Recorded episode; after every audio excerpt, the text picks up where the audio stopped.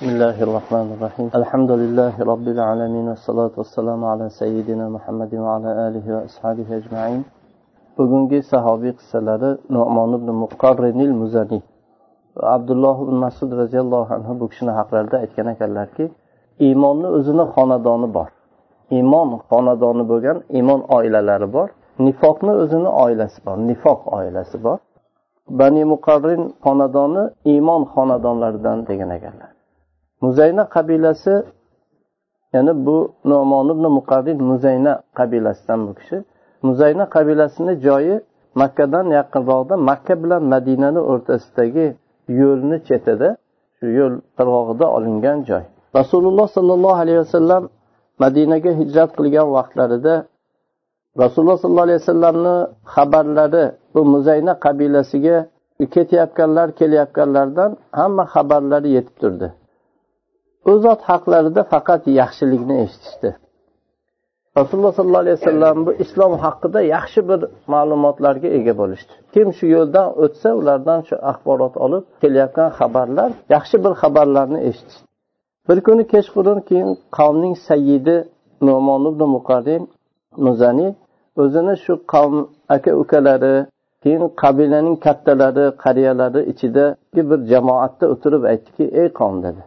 Biz bu muhammad haqida faqat yaxshilikni bildik va u kishini da'vati to'g'risida bir marhamat ehson adolat insof e, shunday so'zlarni eshityapmiz.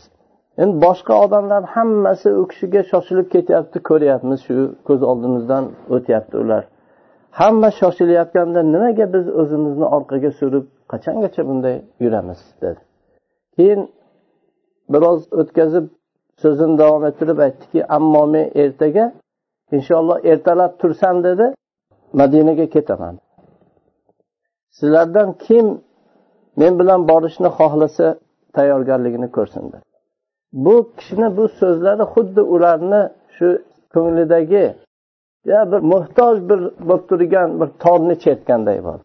Ya gap joyiga tushganday bo'ldi.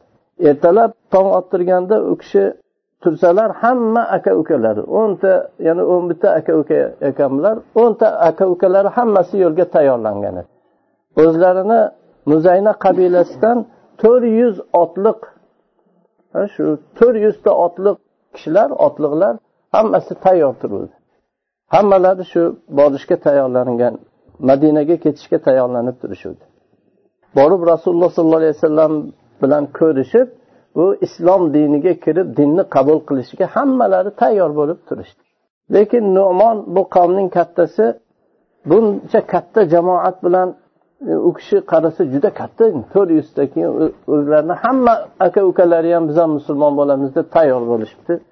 Madinaga bir qavmning kattasi musulmonlarga rasululloh sollallohu alayhi vasallamni oldilariga hech narsa ko'tarmasdan quruq qo'l bilan borishlikka hijolat qildi. Qavmning kattasi dunyodor odam. Lekin shu yili nihoyatda ocharchilik qahatchilik bo'lgan qurg'oqchilik.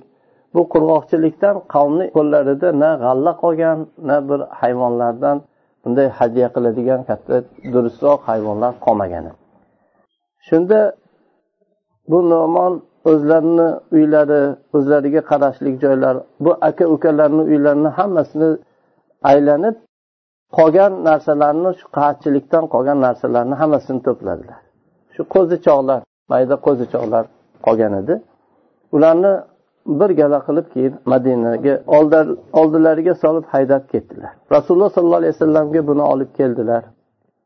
Va bu nomon ibn muqarrin u kishi bilan birga kelganlar madinaga kelib rasululloh sollallohu alayhi vasallamni oldilariga kelib u yerda o'zlarini islomlarini e'lon qilishdi. Hamma shuncha odam birdan musulmon bo'lib dinga kirganliklarini e'lon qilishdi. Bu madina u chekkasidan bu chekkasigacha bu nomon nomon ibn muqarrin va u kishini sheriklarini bu islomga buncha odam kelib islomni qabul qilishlaridan hamma xursand bo'lib takbir tahlil bilan madina ajoyib bir kun bo'ldi. Madina shunday larzaga kelgan kun bo'ldi. Bu arab xonadonlaridan o'n bitta aka uka bir otadan hammasi kelib islomni qabul qilishligi. Keyin ular bilan yana to'rt yuzta otliq kelib islomni qabul qilishligi bu birinchi islom tarixida birinchi edi. Rasululloh sollallohu alayhi vasallam bu nomonni roziyallohu anhuni islomga kirishliklaridan juda qattiq xursand bo'ldilar. Alloh subhanava taolo bu kishini bu keltirgan qo'ylarini olloh qabul qildi. Va bu haqda alloh subhanava taolo oyat nozil qildi. Oyat nozil bo'ldi. O'zi oyatni yuqorisi arobiylar arab xalqi ya'ni atrofda turadigan qishloq sahro xalqi ular islomdan qochadiganroq kufrga yaqinroq qalbi qattiq qaroqchilik bilan shunaqa bilan yashagan odamlar bo'lganligi uchun alloh subhanava taolo qur'onda ularni e, shu dindan uzoqliklarini keyin qalblari qattiqligini zikr qiladi. Keyin oyatni davomida bular haqlaridagi oyat ومن الأعراب من يؤمن بالله واليوم الآخر ويتخذ ما ينفق قربات عند الله وصلوات الرسول ألا إنها قربة لهم سيدخلهم الله في رحمته إن الله غفور رحيم degan oyatni Alloh ular haqlarida nozil qildi. Bu arobiy xalqlardan, e, sahro xalqlaridan ba'zilari bor, ular Allohga iymon keltiradilar, qiyomatga iymon keltiradilar va o'zlari bu infoq qiladigan bu infoqlarini ollohni huzurida ollohga bir yaqinlik hosil qilishlik uchun va rasululloh sollallohu alayhi vasallamni ularni haqlariga duo qilishliklariga bir vasila bo'lishlik uchun bu infoqlarni qiladilar. Deb alloh taolo albatta ularga bir qurbat alloh subhanava taologa yaqinlik bor. Alloh taolo ularni o'zini rahmatiga kiritadi. Alloh taolo qilgan xatolarni gunohlarni kechiruvchi mehribon zotdir deb olloh shu oyatni nozil qildi. Mana bu kundan boshlab nomon ibn muqarrin roziyallohu anhu rasululloh sollallohu alayhi vasallamni bayroqlari ostida jamlandilar va rasululloh sollallohu alayhi vasallam bilan hamma bo'lgan janglarda hech sustkashlik qilmasdan zaiflashdan ham zaiflashmasdan hamma janglarda u kishi qatnashdilar.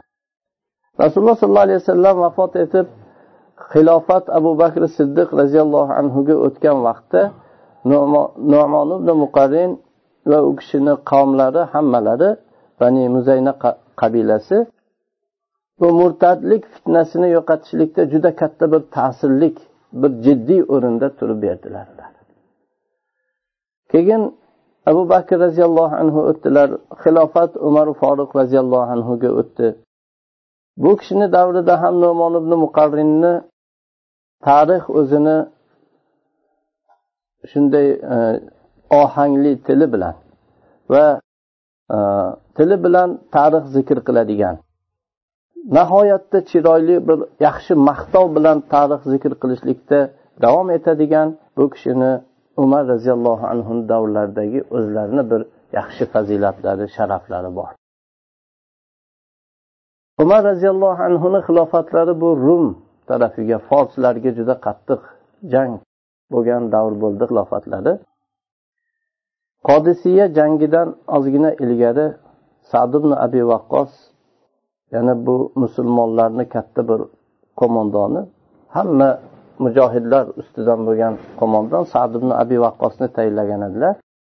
U kishi mm, forslarning podshosi yazdajurni oldiga musulmonlardan bir guruh e, elchini yubordilar. Bu nomon ibn muqarrinni boshchiliklarida edi. Uni islomga da'vat qilib musulmonlarni odatlari shu bir joyga jihod jang qilib borganda jang qilishdan oldin da'vat qilardilar. Agar islomni qabul qilsa bu dindagi birodar birodarlari islomni qabul qilmasa biz dinimizda turaveramiz desa unda jizya to'laydi jizyaga ham to'lamaymiz desa unda ularga keyin jang zimmiy bo'lib jizya to'lab turishga ham unamasa jang qilinadi. Shunga da'vat qilishlik uchun bu yazdajurni oldiga nomon ibn muqarrin boshchiliklarida bir jamoani yubordilar. Ular madoin shahridagi bu kisroning e, fors podshosining taxtiga yetib borgan vaqtlarida uni oldiga kirishlikka izn so'radilar u ruxsat berdi. Keyin shu yerda tarjimonni chaqirib aytdiki ulardan so'ra bizni diyorimizga nimaga keldinglar? Bizga jang qilishlikka sizlarni nima buncha bizga jur'at ettirdi? Qanday jur'at qilib nima sizlarni bizni jangimizga undadi? Shoyatki sizlar biz sizlarga tegmasdan boshqalar bilan mashg'ul bo'lib yurganimizdan bizga jur'at qilgan bo'lsanglar ya'ni bizga tama qilib e, bular hech narsa qilolmaydi deb kelgan bo'lsanglar kerak. Biz sizlarga bir g'azab qilmaganligimiz uchun. Shunday savollarni so'radi. Shunda nomon ibn muqarrin o'zlari bilan birga bo'lgan sahobiylarga qarab aytdilarki agar xohlasanglar men javob beraman sizlar tarafingizdan. Yoki bittanglar javob berishni xohlasanglar men uni mendan ko'ra yana yaxshiroq bo'ladi so'zlashga men uni afzal deb bilaman dedilar. Shunda aytishdiki yo'q o'zingiz gaplashavering deb keyin kisroga podshohga qarab e, bu odam biz tarafimizdan javob beradi bu kishini gapiga quloq sol deyishdi. Shunda nomon roziyallohu anhu allohga hamdu sano aytdilar. Rasululloh sollallohu alayhi vasallamga salovatlar aytdilar. Keyin aytdilarki alloh taolo bizga o'zini rahmatini yubordi. Alloh bizga rahm qildi. Bizga payg'ambar yubordi. Bu payg'ambar bizni yaxshilikka undadilar yaxshilikka buyurdilar. Bizga yomonlikni tanitdilar bildirdilar va bizni yomonlikdan qaytardilar. Va bizga va'da berdilarki kim u kishi da'vat qilayotgan narsaga ijobat qilsa da'vatlarni agar qabul qilsak alloh taolo dunyoyu oxiratni yaxshiligini berishligini va'da qildilar. Biz qabul qildik. Ozgina o'tib alloh subhanava taolo bizni tangliklarimizni tamom keng qilib berdi. Bizni xorligimizni olloh izzatga aylantirdi. O'rtamizda bir birimizga bo'lgan dushmanlikni alloh subhanava taolo birodarlikka va katta bir marhamatga aylantirdi. Endi rasululloh sollallohu alayhi vasallam butun odamlarni ularni shunday yaxshiliklari baxt saodatlari bo'lgan narsaga da'vat qilishlikni bizga buyurdilar. Va shu da'vat qilishda o'zimizga yaqin odamlardan boshlashlikni buyurdilar. Biz sizlarni bizni dinimizga kirishga chaqiramiz dedilar. Bu din hamma yaxshilikni bor yaxshilikni yaxshi deb ko'rsatgan shu yaxshilikka da'vat qilgan din. Qabih palid nopok narsalarni botilni botil qilib ko'rsatib botilligini bayon qilib undan qaytargan din. Mana shu dinga chaqiramiz dedilar. Bu din bu dinni qabul qilgan islom diniga kirganlarni kufr zulmatlaridan kufrni botilligi nohaqliklaridan iymon nuriga va iymonni adolatiga chiqaradi dedilar. Agar sizlar islomni qabul qilsanglar biz sizlarda alloh taoloni kitobini qoldiramiz va shu kitobni sizlarda qoyim qilamiz. Va bu ollohni hukmlari bilan hukm qilasizlar dedilar. Va biz sizlardan qaytib ketamiz sizlarni o'z holatingizga o'z ishingizga qoldirib ketamiz dedilar. Agar ollohni diniga kirishlikdan bosh tortsanglar unda sizlardan biz jizya olamiz va sizlarni biz himoya qilamiz. Bizni qo'l ostimizda bo'lasizlar. Agar jizya berishlikka ham unamasanglar unda sizlar bilan jang qilamiz. Bu endi umrida birinchi marta eshityapti fors podshohlari shunda bu yazdajurt fors podshosi eshitgan bu eshitgan so'zlardan g'azabdan achchiqdan shunday yonardi. Keyin aytdiki biz yer yuzida sizlardan ko'ra badbaxtroq xorroq soni oz bir biri bilan kelisholmaydigan shunday tarqoq ahvoli nihoyatda achinarlik bo'lgan boshqa xalqni bilmasdik dedi. Biz sizlarni ishinglarni shu atrofdagi voliylarimizga topshirib qo'yuvdik. Ular sizlardan bizga itoatni olgan edi. Shuning uchun sizlarga biz tegmayotgandik dedi. Bu gaplarni aytgandan keyin ozgina achchig'idan tushdi. Keyin sal o'ziga kelib aytdiki xizmatchisiga ularga aytdi agar hojat sizlarni bizga kelishlikka majbur qilgan bo'lsa ochlik qiyinchilik mashaqqatda qolgan bo'lsanglar biz sizlarga to diyoringizda bir mo'lko'lchilik bo'lgungacha yordam beramiz. Oziq ovqat beramiz. Sizlarga Э, ulug'laringizga kiyimlar kiygizamiz. Va sizlarga o'zimiz tarafimizdan sizlarga juda mehribon bo'lgan bir boshliqni podshohni tayinlayman. Shu sizlarni boshqarsin dedi. Kelgan elchilardan bir kishi turib uni yangitdan g'azab o'tini qo'zg'atadigan bir gap bilan javob berdilar. Shunda u aytdiki agar kelgan elchilarni o'ldirish yo'q dedi agar o'ldirish bo'lganda hammangni o'ldirardim dedi. Tur hammang yo'qol dedi men meni oldimda sizlarga hech narsa yo'q. Borib boshlig'inglarga xabar ber men yaqinda rustamni sizlarga jo'nataman dedi. Sizlarni va e, u boshlig'inglarni hammasini qodisiya chuqurlariga ko'madi dedi. Keyin shu yerda buyurdiki bor bitta katta idishga turpoq to'ldirib kel dedi. Ya'ni bularni xorlashlik uchun. Turpoq olib kelishdi. Endi bularni eng ulug'ini ustiga shuni yukla dedi. Turponni yelkasiga qo'y dedi. Odamlar ko'rsinki odamlarni ko'z o'ngida bularni haydab chiqinglar. To bu poytaxtni chegarasidan chiqqungacha oldinglarga solib turponni ko'targizib haydab chiqinglar turpon olib kelishdi. Elchilarga qarab sizlarni eng ulug'inglar kim? dedi. Shunda endi bu turpoq ko'tarish kerak. Osim ibn umar degan kishi bor edilar sahobiy. Menda bu kishi yugurib chiqdilar men bularni ulug'i dedi. U kishiga turpoqni yuklashdi. Hatto madoin shaharidan bularni chiqarib tashlashdi. Keyin u kishi bu turpoqni tuyalariga ortib oldilarda o'zlari bilan birga olib sad ibn abi vaqqosga turpoq bilan qaytib ketishdi. Sad ibn abi vaqqosga borib bashorat berdilarki alloh taolo inshaalloh fors diyorini bizga fath qilib beradi. Mana ular turpog'ini o'z qo'llari bilan bizga topshirishdi. Bizni turpoqlarga ega qilib qo'yishdi deb borishdi. Keyin qodisiya jangi bo'ldi. Haqiqatdan qodisiyani chuqurlari minglab o'liklar bilan to'ldi. Haqiqatdan qattiq jang bo'ldi. Ming minglab o'liklar bilan chuqurlar to'ldi. Lekin bu o'liklar musulmonlar askarlaridan emas edi. Balki kesroni askarlaridan. edi forslar bu qodisiya mag'lubiyatiga taslim bo'lmadilar. Bundan keyin ular hamma jamoalarini qodisiya qo'ldan ketdi qochib ketishdi. Butun askarlarini yig'ib bir yuz ellik ming askar eng qattiq jangda qotgan jangchilardan bir yuz ellik ming askar to'pladi. Foruq bu katta jamoatni xabaridan ya'ni umar foruq roziyallohu anhu xabardor bo'lganlarida bu katta xatarga men o'zim boraman dedilar. Men o'zim bormasam bo'lmaydi deb ya'ni xotirjam bo'lmadilar. Jangga o'zlari shu yetakchilik qilishga yo'lga tushuvdilar lekin musulmonlarni ichidagi ulug'lar sahobalarni ulug'lari u kishini bu ishlardan qaytarishdi. Va bunday katta ishda ya'ni butun islom ishida endi u kishi hamma suyanib turgan amirul mo'minin xalifa edilar. Siz bormang dedilar. Va bir yaxshi qo'mondonni ularga yuboring dedilar. Keyin umar roziyallohu anhu men ularga bir kishini yuboramanki bu chegaraga dedilar.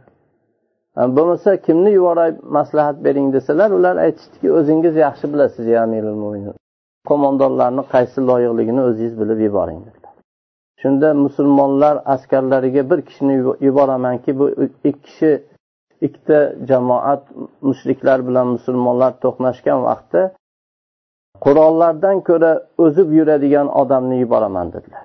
U numon ibn muqarrinil muzaniydir dedilar. Ha bu kishi bu ishga loyiq deb maslahat berishdi. Keyin nomon ibn muqarringa xat yozdilar. Ollohni bandasi umar ibn hattobdan nomon ibn muqarringa. Ammo ba'd dedilar bu ajamlarning katta jamoasini xabari menga yetib keldi. Ular sizlarga shu nahovand shahrida to'planishibdi. Bu xatim yetib borgan vaqtda ollohni buyrug'i bilan ularga ollohni madadi bilan ollohni yordami bilan o'zingiz bilan birga bo'lgan musulmonlar bilan ularga yurish qilinglar. Ularni yo'lsiz joylardan musulmonlarni yurg'izmang ularga ozor berib qo'yasiz dedilar. Ya'ni musulmonlarni ehtiyot qil dedilar. Chunki musulmonlardan bir kishi menga yuz ming dinordan ko'ra yaxshiroqdir deb assalomu alayka deb xat yozdilar. No'mon o'zlarini askarlari bilan dushmanga qarshi otlandilar. Va bu katta askarni oldida avangard askar deydi ya'ni o'zlarini otliqlaridan bir guruhni yubordilar. Ya'ni yo'lni ochib xabarlarni bilishlik uchun oldida bir jamoa ketdi. Ular nahovan shahriga yetib borgan vaqtlarida otlar hammasi to'xtab yurmay to'xtab qoldi. Otlarni shuncha urib undashardi otlar yurolmas edi keyin ular otlardan tushib bu nima xabar buni bilaylik deb qarashdi. Qarashsa bu otlarni hammasini tuyog'ida shu bir nihoyatda uchlik temir parchalari bor ekan. Mixga o'xshagan temir. Hammasini tuyog'ida shunaqa temir kirib qolibdi ular yerga qarashdi. Yerni tekshirib qarashsa bu e, forslar nahovandga olib boradigan bu yo'llarni hammasiga shunaqa temir tikonlarni ataylab sochib chiqqan ekan. Hammasi shunday ot yursa shu kirib qoladigan. Bu ot ham piyoda askar ham yurolmaydigan qilib shunday temir ekib chiqqan ekan. Shunda bu otliq askarlar no'mon roziyallohu anhuga bu ko'rgan E, narsani xabarini berdilar. Nima qilaylik deb maslahat so'radilar. Bizga bir fikr bildiring. No'mon ularga shu joyinglarda qimirlamay turinglar dedilar. Kechasi kelsa dushman sizlarni ko'rishi uchun o't yoqinglar. Katta o't yoqinglar har yerda ular ko'rsin dedilar. Shu vaqtda keyin dushmanga o'zinglarni qo'rqqan qilib ko'rsatib shosha pisha ular qarab turgan vaqtda keyin qochishga tushinglar dedilar. Qochgan bo'lib qochinglar dedilar dushman oldida ularni sizlarga shu ergashishlikka ularni shu tama qildirishlik uchun shunday qilinglar dedilar. Shunda ular yo'llarini tozalash uchun bu temirlarni yig'ishtirib oladi. Bu hiyla forslarga qo'l keldi. Ular musulmonlarni oldida kelgan bu guruhni ko'rib keyin oldilarida shu qochib ketayotganini ko'rganida tez ishchilarni chiqarib aytdiki yo'llarni tozalanglar ya'ni juda katta sonda ishchilar chiqdi. Chiqib hammasi yo'llarni bu temir tikonlardan tozalagan shipirib tozalagan vaqtda keyin musulmonlar qayta bularga hujumga kirishdi. Yo'llar ochildi. Bu yo'llardan foydalanib ular qaytib hujumga o'tdilar. Shunda no'mon roziyallohu anhu o'zini askarlari bilan nahovanni yuqorisiga kelib joylashdilar va bu dushmanga to'satdan bir hujum qilishni xohladilar. Askarlarga aytdilarki men uch marta takbir aytaman dedilar. Birinchi takbirda kim tayyor bo'lmasa tayyorlansin. Ikkinchi takbirda har bir kishi hozir bo'lsin. Uchinchi takbirni aytganimda men hujumga o'taman ollohni dushmanlariga. Shu takbir bilan hammamiz birdan hujumga o'tamiz dedilar. Bu hozir oddiyga o'xshaydiyu lekin shu o'zini vaqtida nihoyatda katta tartib. Bir takbir bilan hamma birdan hujumga kirishligi juda katta bir u vaqtda bo'lmagan jang taktikalaridan. Hamma birdan bir kishiday hujumga o'tishligi. No'mon roziyallohu anhu uchta takbirlarni aytdilar. Dushman saflariga xuddi bir yirtqich sherlarga o'xshab tashlanishdi. U kishini orqalaridan butun musulmonlar sel bostirib kelayotgandek dushman ustiga bostirib kirdilar.